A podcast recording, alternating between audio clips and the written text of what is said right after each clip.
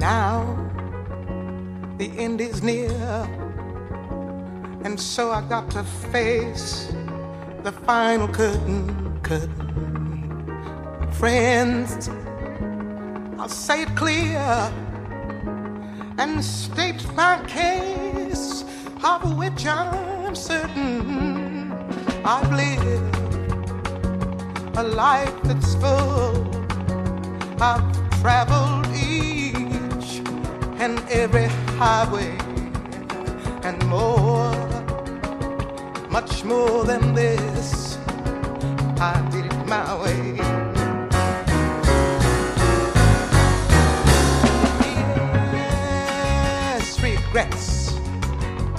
Bienvenidos una semanita más. Eh, Cada 15 días tenemos esta cita con mesas y manteles. Eh, Nuestro anfitrión, Francesco Gianelli. Bienvenido un viernes más. Un, un día más. Hola, buenos días. Esta semana, eh, Francesco, vamos a hablar de cervezas artesanas. Sí. Nos has traído a Ancho, Ancho Piume, que, como decía Francesco, es el alma mater de cervezas Salamagal. Sí, Bienvenido. hola, buenos días, muchas gracias por Ancho invitarme. Puime. Puime. Puime. ¿Cómo se nota? ¿no? Estábamos aquí hablando del origen de los apellidos y resulta que tiene origen italiano, como para rebatir a Por eso, por eso, por eso te llevamos de la afinidad de con Ancho. También es que una conocencia bastante breve la nuestra, porque no es mucho tiempo que nos conocemos, pero seguramente por apellido esta afinidad, Ajá. esta, Sí, esta simpa- enseguida, sí, empatizamos rápidamente. Rápidamente. Sí. Em, si no me equivoco, eh, eres eh, pionero, ¿no? De esto de las Bueno, de- cervezas eh, de- artesanas. De, los primeros, sí, en- no, no exactamente el primero, pero sí.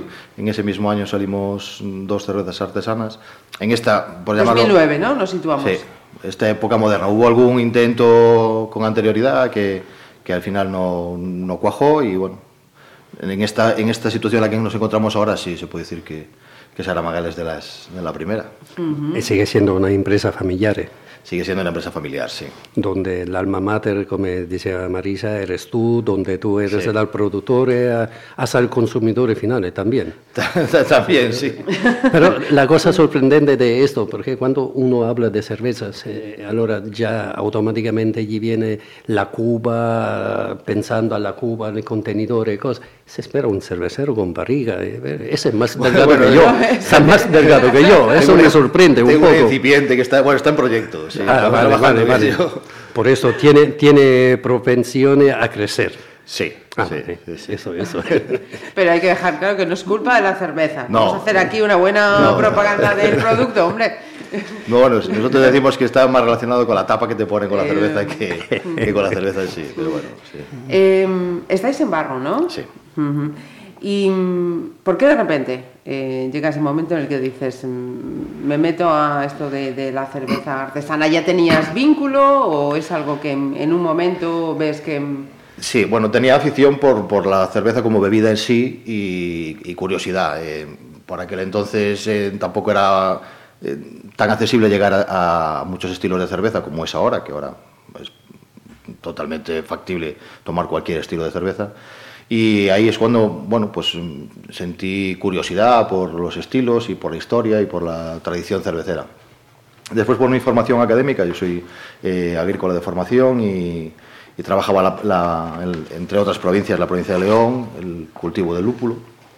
Y ahí tuve acceso a conocer a gente que estaba ya relacionado con el, con el sector eh, desde el punto de vista de la elaboración eh, profesional.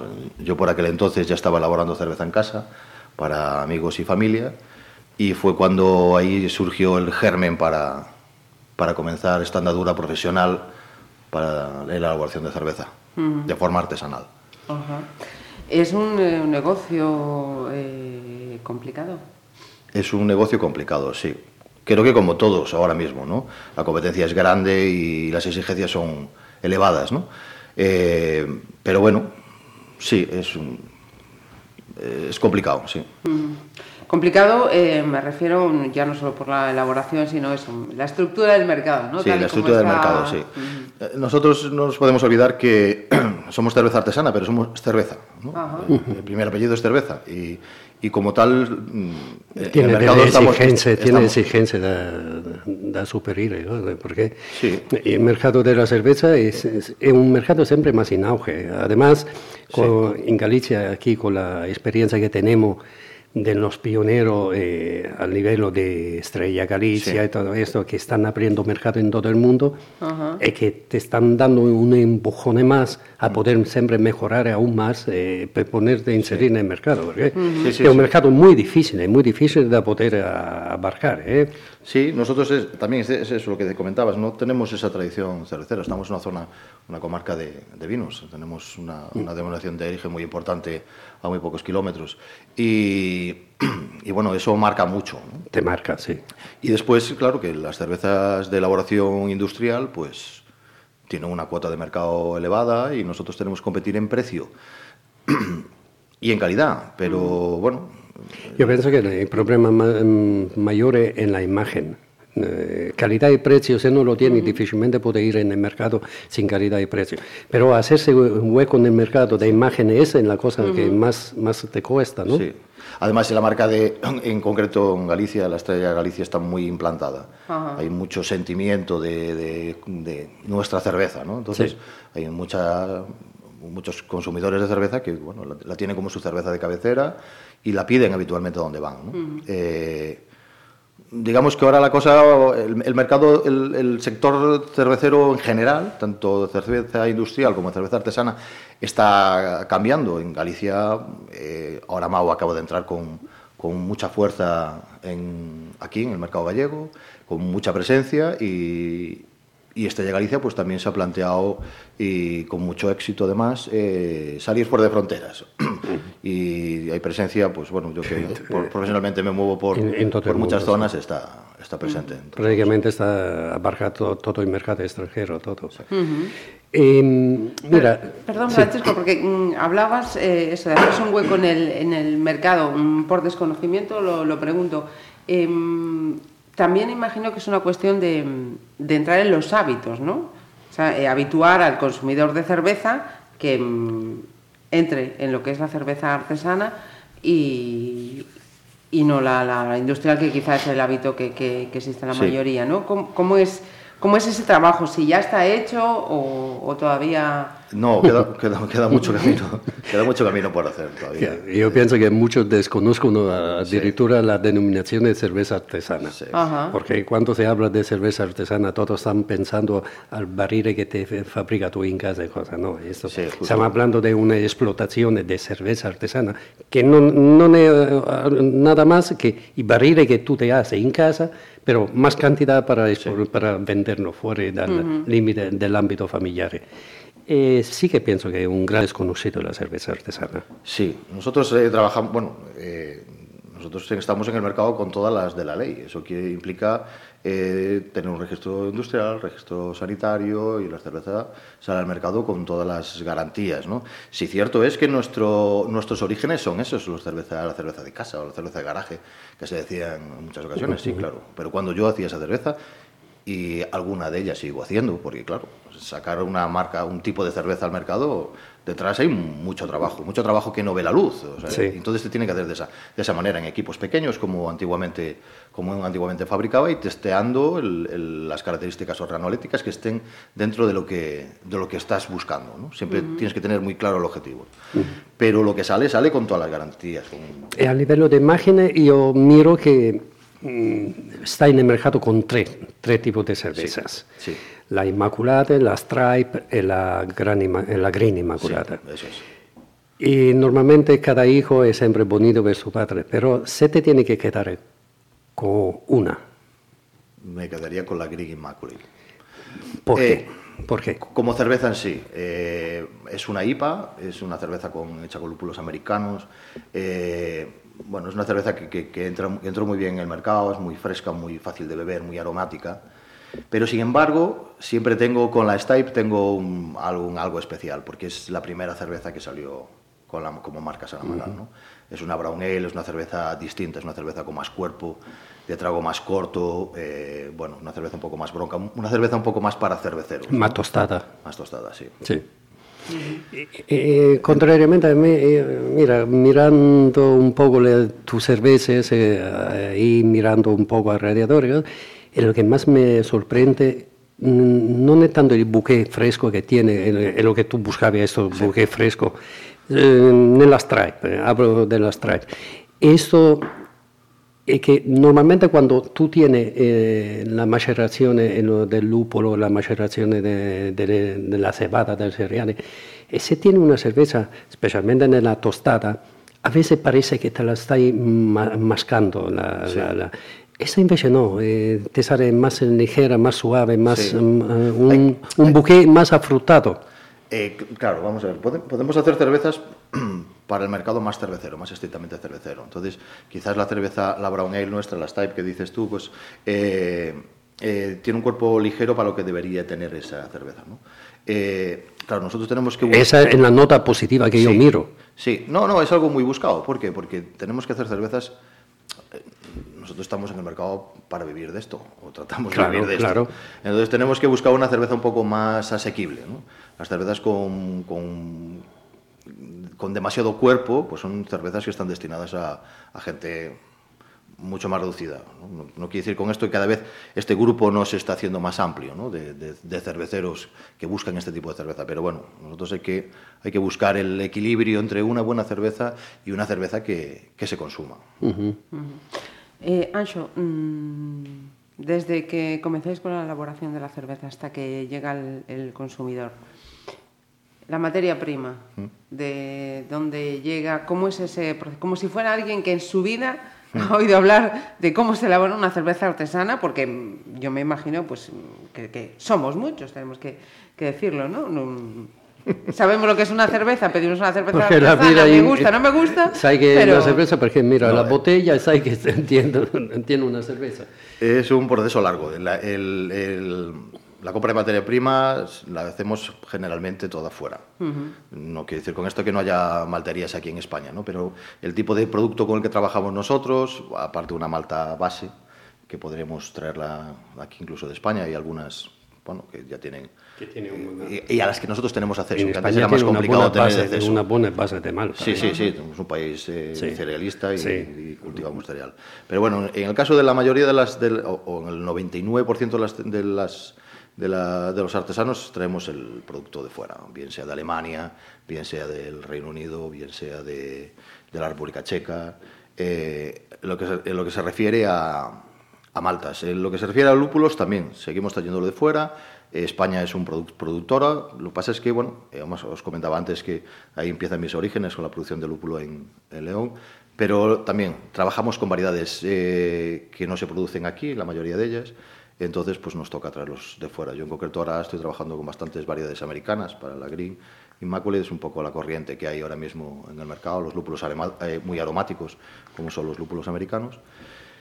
Y bueno, a veces eh, nos juntamos unos cuantos cerveceros y hacemos una compra eh, en el uh -huh. extranjero, otras veces recurrimos bien. a importadores. Que... Una plataforma de compra. Sí, en función de eso nos sí. vamos manejando. Eh, lo que buscamos es comprar las mejores condiciones posibles para que dentro de lo posible podamos eh, reducir los costes. Uh -huh. sí.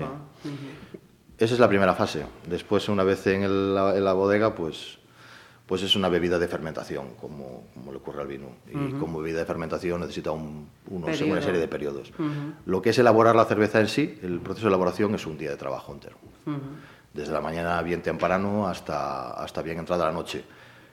Ahí incluyo la limpieza. El caso de la cerveza es una, es una bebida muy vulnerable y susceptible de contaminaciones, entonces eh, hay que limpiar antes, durante y después. un día de trabajo. Eh, una vez pasado ese proceso, es un proceso de, de, de infusionamos la, las maltas, sacamos un mosto azucarado como una infusión, como un, uh -huh. de, de, la misma manera, con unas cubas grandes, entonces tratamos de sacar la mayor cantidad de azúcares fermentables y no fermentables, por lo que hablábamos antes del cuerpo de la cerveza. Uh -huh. Y el siguiente proceso es hervir ese, ese, mosto azucarado que sacamos, lo hervimos, eh, es una forma de desinfectarla y de, además de, de, lupularla. Es en ese momento cuando añadimos las distintas cuotas de, de, lúpulo para darle el amargor, para darle el sabor, para darle el aroma. Y después otro, otro proceso crítico de, en la elaboración que es enfriarla, enfriarla muy rápido. Apartamento de temperatura. A 20, a, bueno, a, por debajo de 23, entre 23 y 18 grados es donde depende el estilo de cerveza, la levadura con la que trabajes. Eh, a esa temperatura tenemos que bajarla muy rápido porque es cuando es más vulnerable uh -huh. eh, de contaminación la cerveza. Utilizamos para ello, pues en mi caso, mi fábrica es un, a través de un intercambiador de placas. Eh, una vez que entra en el, en el depósito de, de fermentación, el tanque de fermentación, pues pues hay una primera fermentación, una fermentación primaria que le puede, de, de, dependiendo de la época del año también, pues alrededor de una semana de fermentación. Después pasa un periodo de maduración y guarda, que puede ir de entre una semana a, a un mes. Uh -huh. Y en mi caso concreto, que hacemos la refermentación en botella, o sea, la carbonatación se hace de forma natural dentro de la propia botella. Entonces, para eso necesitamos también eh, un periodo de guarda en la botella para que se produzca esa refermentación y se carbonate la cerveza. Estamos hablando de un proceso que puede ir de dos a tres meses hasta que se pone en, en circulación ese producto. En el mercado. Mm. Uh -huh. eh, claro, todo esto redunda en el, en el, precio, lógicamente. No es lo mismo tomar una cerveza artesana que una sí, cerveza claro. industrial. Por eso quería preguntarte, porque todo tiene su... su Ni tampoco yo miro una gran diferencia de precio. ¿eh? Ahora, no, cada vez estamos más sí, justos, sí. Sí, tengo que romper una lanza a favor de mm. los productores, porque sabemos, nosotros hosteleros sabemos que compramos, come compramos cosas.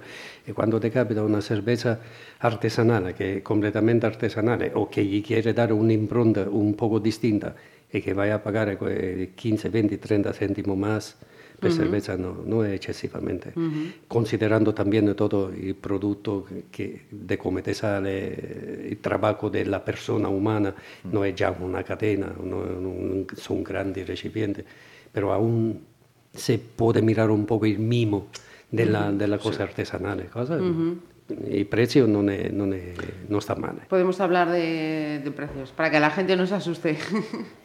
Eh, sí, estas cervezas pueden andar eh, al consumidor. ¿eh? Sí, sí, sí. Eh, independientemente de, de, de, los procesos en cadena de, de, distribución y de comercialización, pueden andar entre 2 euros, 2 euros 20, 2 euros 50. Ahí Ajá. influirá mucho el, el, el estilo de, cerveza. La media de 2 euros 50, por eso te digo, uh -huh. no, no, es cara. No uh -huh. es cara, absolutamente no es cara.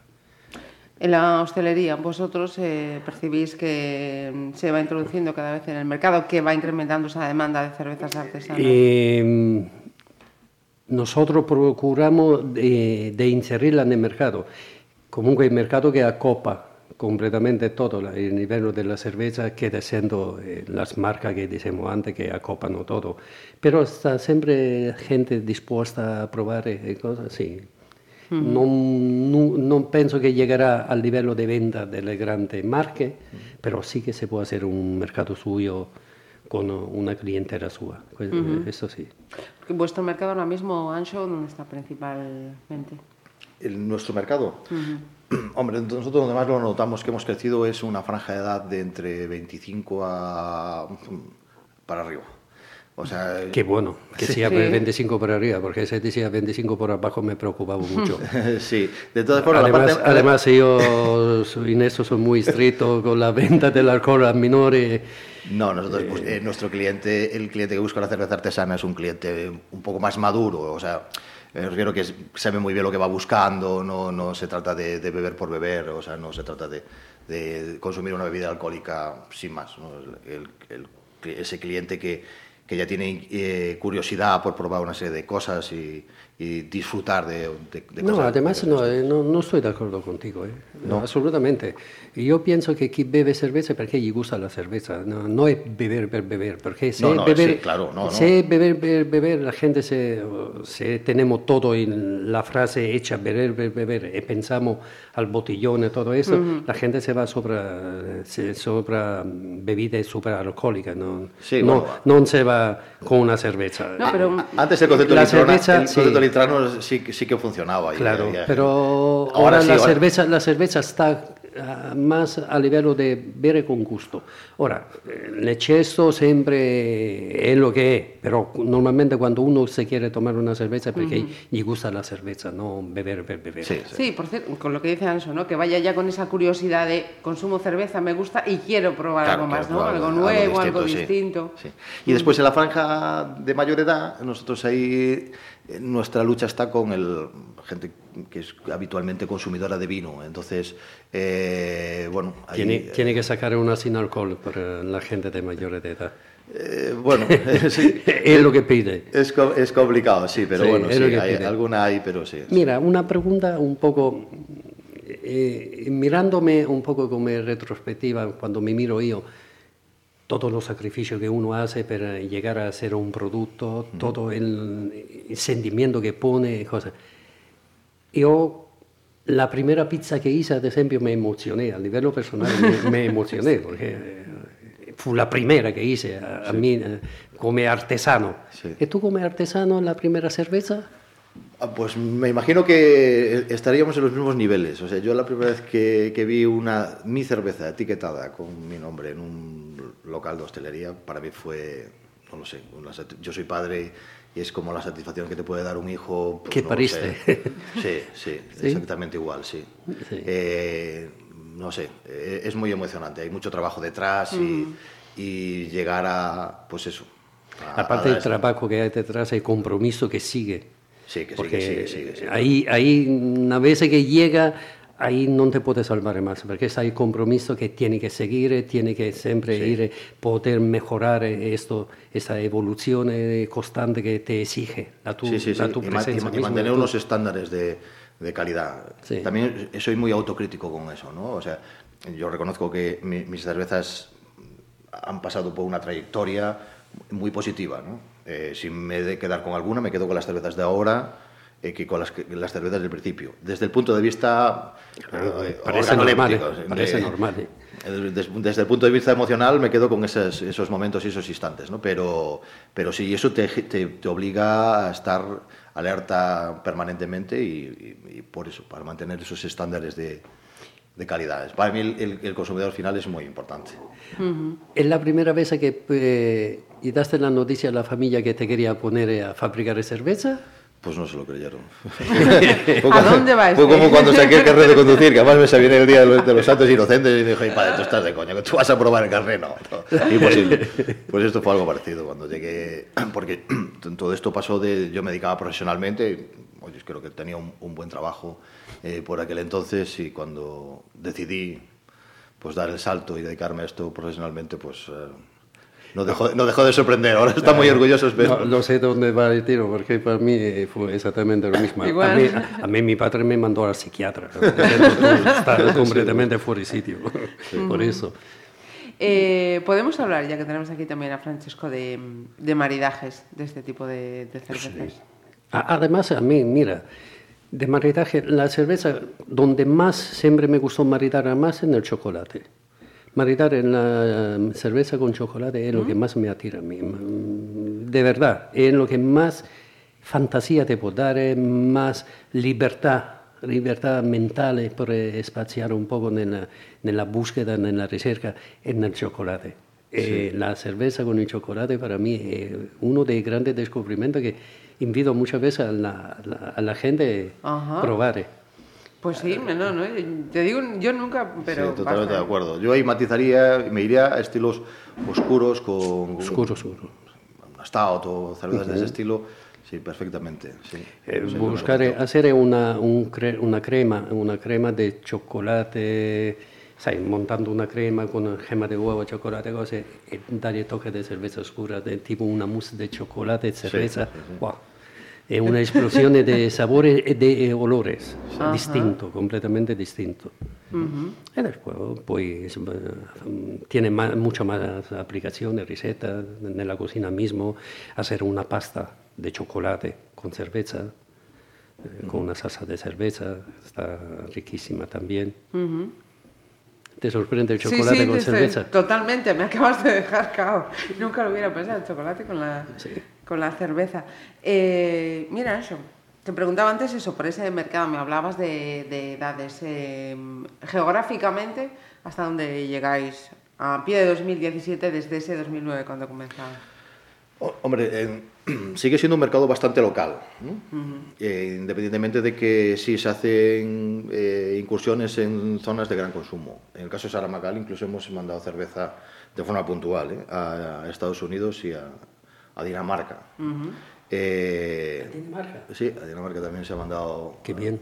es un mercado muy interesante los daneses. ¿eh? Sí, sí, además, eh, es muy satisfactorio porque hace, muy, buena cerveza también. Sí, por eso digo, muy exigente también. Y, y, después a nivel nacional, pues bueno, las grandes zonas de consumo, como puede ser Madrid, Barcelona, Zaragoza, en esas ciudades siempre, siempre tenemos o tratamos de tener presencia, porque bueno, también el mercado es es mucho mayor y, se demanda mucho más también este tipo de productos. Pero bueno, nosotros nos centramos en el, en el mercado local y en el autonómico. Eh, aquí a nivel local, ¿dónde se puede encontrar tu cerveza? Eh, de momento, este tipo de cervezas eh, están más enfocadas a, pequeñas tiendas de, de, producto gourmet y aunque a pesar de que la nuestra ya empieza a tener presencia en, grandes áreas, de una forma más tímida, eh, suelen ser este tipo de establecimientos, eh, pequeñas tiendas gourmet y, o directamente en, locales de, cervecería. De De, o de ocio. Sí.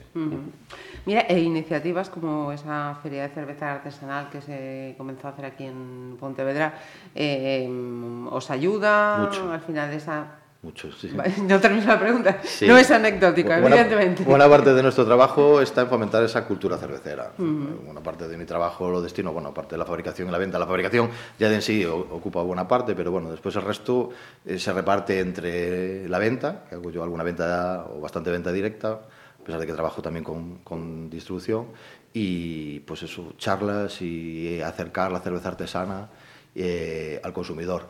La otra parte muy favorable de este tipo de, eventos, de las ferias, es el feedback que recoges. O sea, directamente y sin un tipo de filtro, eh, estás recibiendo la opinión del, consumidor. De otras formas nos llega de forma filtrada, pues lo que nos puede transmitir Francesco de lo que pueden decir sus clientes de lo que están consumiendo.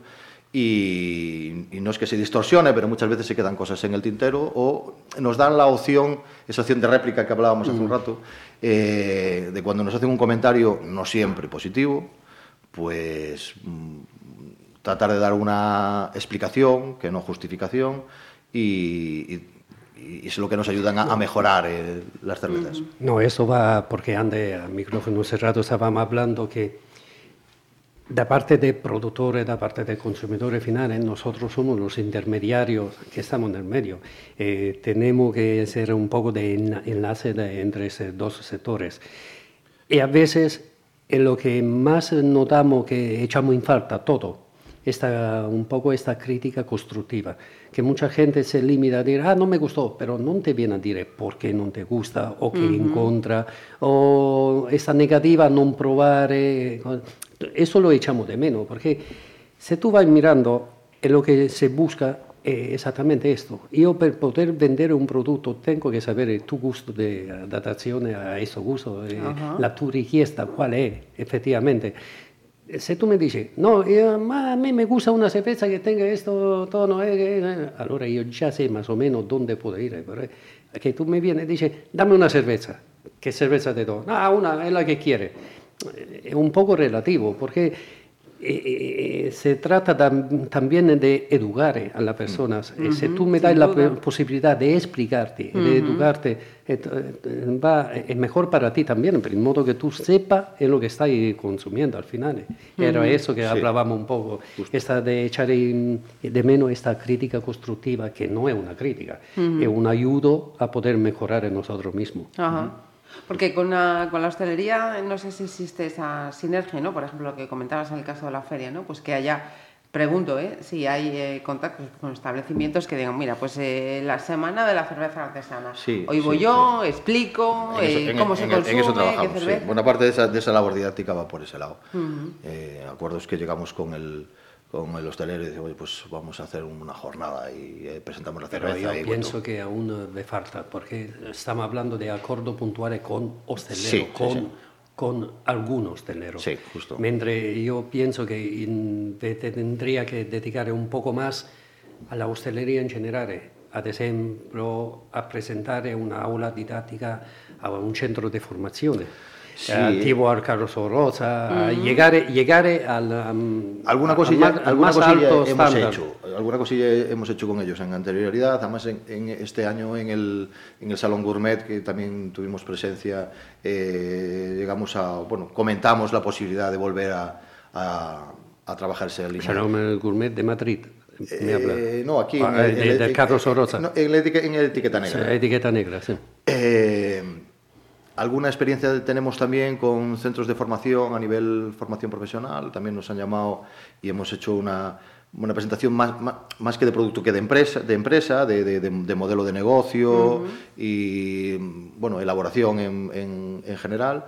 Y, pero ahí, Francesco, eh, yo también estoy de acuerdo contigo, que trabajar con, pero trabajar a veces con, con el hostelero no es sencillo. No, Eh, absolutamente. compaginar horarios es complicado. Montar una charla a las 8 de la tarde, a las 9 de la tarde en un local. Te para- va nadie, porque todos están trabajando. Incluso buscar el lunes, que es un, el día, un día de, de tradición de, de la hostelería para, de descanso, y, aún así a veces es, es muy, muy complicado. Para nosotros sería muy importante, porque nosotros somos muy conscientes y vosotros sois los que, los que transmitís. Nosotros, yo tenía un cliente hace tiempo que movía mucha de nuestra cerveza. Eh, son ar- argentinos ellos. Y entonces muchas veces le pregunté, bueno, una ocasión le había preguntado cu- cuál era el, el motivo de, de que- por qué ellos tenían tanta penetración con, con mi cerveza y en otros sitios no lo tenían. Y decían porque, porque ellos lo vendían, nos vendían nuestro producto, le ponían el mismo cariño que nosotros le ponemos al fabricarlo. Entonces decía, yo, yo eh, cuando alguien viene y pregunta por una cerveza en concreto, yo no- tengo más que servirle esa cerveza. Claro. Pero cuando alguien venía y me decía, me pedía una cerveza, pues yo le hablaba de tu producto. Claro. Es lo que decía, es lo de conocer. eh, Claro. Entonces, eh, eso para nosotros es muy importante. Después él decía, bueno, yo te vendo la primera, después la segunda tienes que vender tú. Porque claro, si yo ofrezco un producto y ese producto no está a la altura del- de lo que tiene que estar, pues el consumidor también es muy... En ese aspecto dice, "Oye, vaya, Tiene me que la metes ser. una vez, pero no, que la- ser. no me la metes dos Pero veces, ¿no? Tiene que ser exigente. El producto, el consumidor final, yo siempre exhorto al co- consumidor final de exigir, porque tiene todo el derecho de exigir. Eh, ahí, eso eh, va a, a nuestra imagen. Cuando nosotros, como tú haces un producto bueno, nosotros sabiendo que vendemos un producto bueno, tenemos que exigir al al consumidor final de exigir siempre calidad, Sí. eh, en todo en todos los aspectos. Y, eh, hablando de eso, ¿sabes que yo echo mucho de menos a Pontevedra? Eh, non so come de- definirlo, però come uno, uno, uno show permanente, donde tener un sitio donde todo, assolutamente todo, possono entrare a presentare il suo prodotto, però permanen- permanentemente. Eh, dígase come a livello di cocina, a livello di prodotto di cerveza, di vino, cosa. Un sitio donde cada día, cada semana uno puede tener questo spazio adibito e che può essere perfettamente uno spazio comunale eh, del- Sì, sì. dell'aggiuntamento, donde todo possono ir, tipo uno show cooking come si hagono in tutte le grandi città, uno show permanente del, eh, dello mercato, cose, donde tu, cervecero, dici voy a hacer una presentazione, voy a hacer un, un maritaje con un cocinero, cosa. Esto hecho de menos a Pontevedra. Esta falta, esta falta de expresividad donde alguien se puede expresar liberamente, donde te dan la posibilidad de poderlo hacer, eh, porque Claro. no está en ningún sitio donde lo puedes hacer, eh, ninguno. Si no lo haces tú a nivel privado, en tu local, Y eso- difícilmente y- tienes y- sitio y para eso representa un gran esfuerzo de, de- de tiempo y, y que al final se traduce en dinero. Sí, Si para, para nosotros, labor, para todo es un hacer. esfuerzo, porque tú hay, tienes que trabajar, tienes que poner el producto y todo. Pero esto, esta falta de conocimiento que la gente tiene es lo que nosotros eh, apreciamos que non tenendo conoscimento tan- di tanti prodotti buonissimi che tenemos, che tenemos in città, nella zona, che si può espresare differentemente, la gente non lo consuma perché non lo conosce e non tiene un sitio donde presentarlo.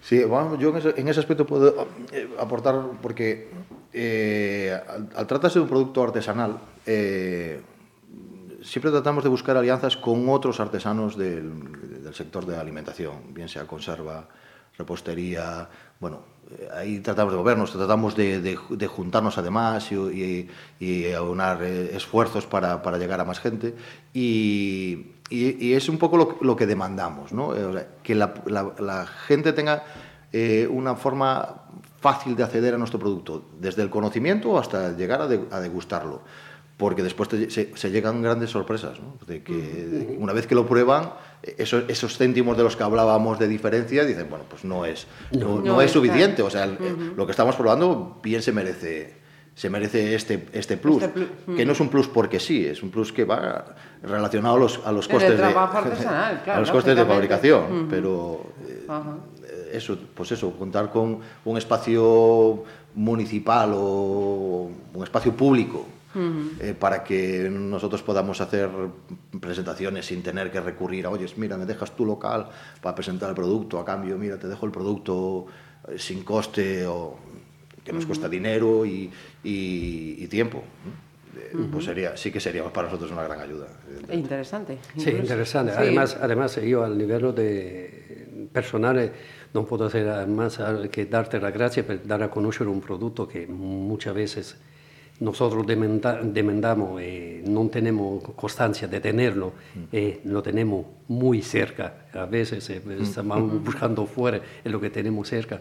Eh, darte las gracias por eso, por haber presentado tu producto que uh -huh. procuraremos de darla a conocer a Yo, Francesco, gente. para terminar, tengo una, tengo una pregunta. que, ¿De dónde viene esto de Saramagal?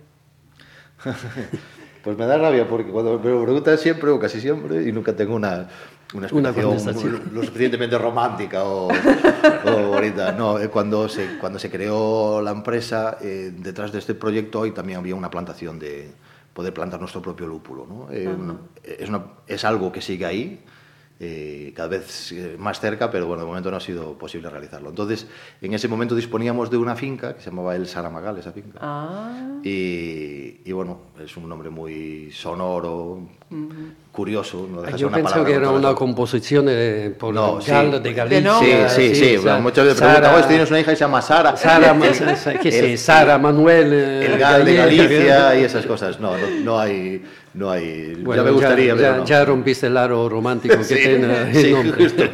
bueno, tiene, tiene su, su, explicación geográfica y su sí, ubicación, ¿no? Más denominación de origen, fíjate tú. Sí, sí, justo. pero bueno, y está ahí, está ahí. A ver, cada vez está un poco más cerca, pero bueno, a Ajá. ver si. Bien. Pues ojalá volvamos a llamarle para que nos cuente que ya está adelante ese yo proyecto, pienso, ¿no, yo pienso Francesco? que sí, un, uh, un retorno puede estar representado. Cuando queráis, estoy a vuestra disposición. Pues Anso, muchísimas gracias, gracias por acompañarnos. A vosotros. Gracias, Ángel, un placer. Gracias. Y Francesco, hasta dentro de un par de semanitas. Sí, la próxima cosa, procuraremos de hablar de carne. Ajá. Perfecto. Estamos hablando de carne. Perfecto. Pues hasta vale. dentro de un par de viernes. Vale, chao. to say